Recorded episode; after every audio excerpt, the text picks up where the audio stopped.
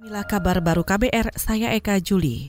Saudara juru bicara Komisi Pemberantasan Korupsi atau KPK, Ali Fikri, enggan membeberkan rencana penggeledahan KPK di kantor DPP PDI Perjuangan Jakarta Pusat.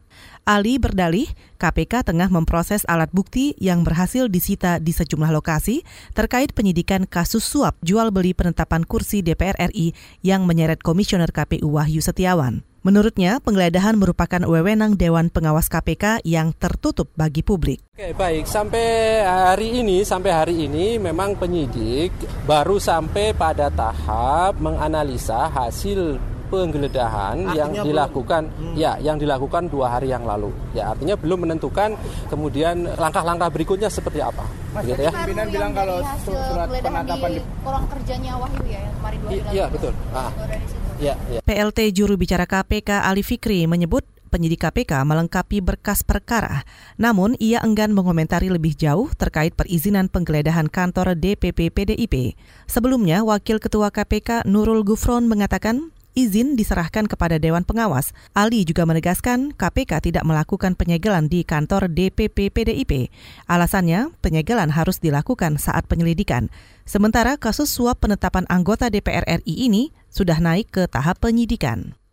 Saudara Dewan Perwakilan Rakyat menyebut pembentukan panitia khusus atau pansus untuk menyelesaikan kasus asuransi Jiwasraya dan Asabri tidak tepat.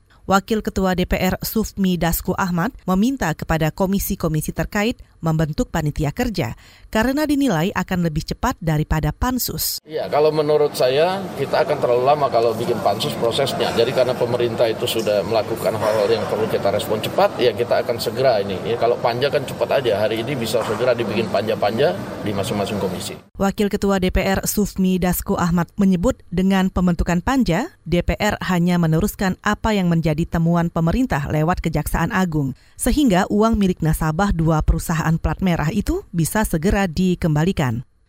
Kita ke Jawa Barat, pemerintah provinsi ini akan menampung 41 penyandang disabilitas netra korban pengosongan paksa dari pengelola panti Wiyataguna Kementerian Sosial. Mereka ditampung di Dinas Sosial Cibabat, Cimahi. Wakil Gubernur Jawa Barat UU Ruzanul Ulum mengatakan, puluhan disabilitas netra ini akan diseleksi lagi jika ingin menjadi penghuni fasilitas dari Dinas Sosial pemerintah provinsi itu. Tetapi kan mereka juga ada yang di sekitar ini, Pak. Rumah-rumahnya ada yang di sekitar sini. Kemudian juga dilihat menurut informasi yang kami terima, orang tuanya juga ada yang ya berkecukupan gitu.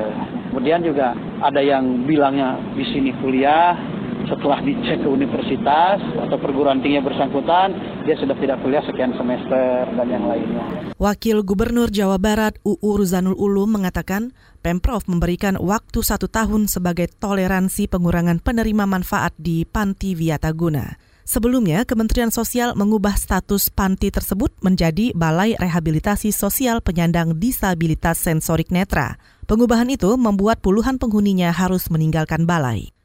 Kita ke informasi olahraga. Pebulu tangkis Indonesia Gracia Poli mendukung langkah rekan duetnya Aprianurah Apriani Rahayu yang bermain rangkap di nomor ganda campuran di Indonesia Masters 2020.